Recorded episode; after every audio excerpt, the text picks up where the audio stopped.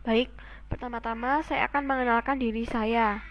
Perkenalkan, nama saya Revani Gracia Natali. Anda dapat memanggil saya Revani. Berikan penjelasan Anda mengapa musik barat yang berkembang di suatu negara tidak akan sama dengan negara yang lainnya.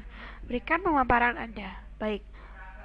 Menurut saya, karena dalam suatu negara itu memiliki pengertian ciri khas, unsur, jenis, serta fungsi-fungsi yang tidak mungkin sama atau berbeda dengan negara lainnya.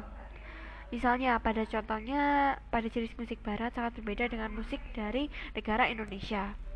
Yaitu beberapa jenis musik barat yaitu blues, country, metal, emo, hip hop, jazz, musik klasik, pop, rock, reggae, swing, dan masih banyak lainnya. Sedangkan negara lain atau negara Indonesia tidak memiliki perkembangan yang baik pada beberapa jenis musik tersebut.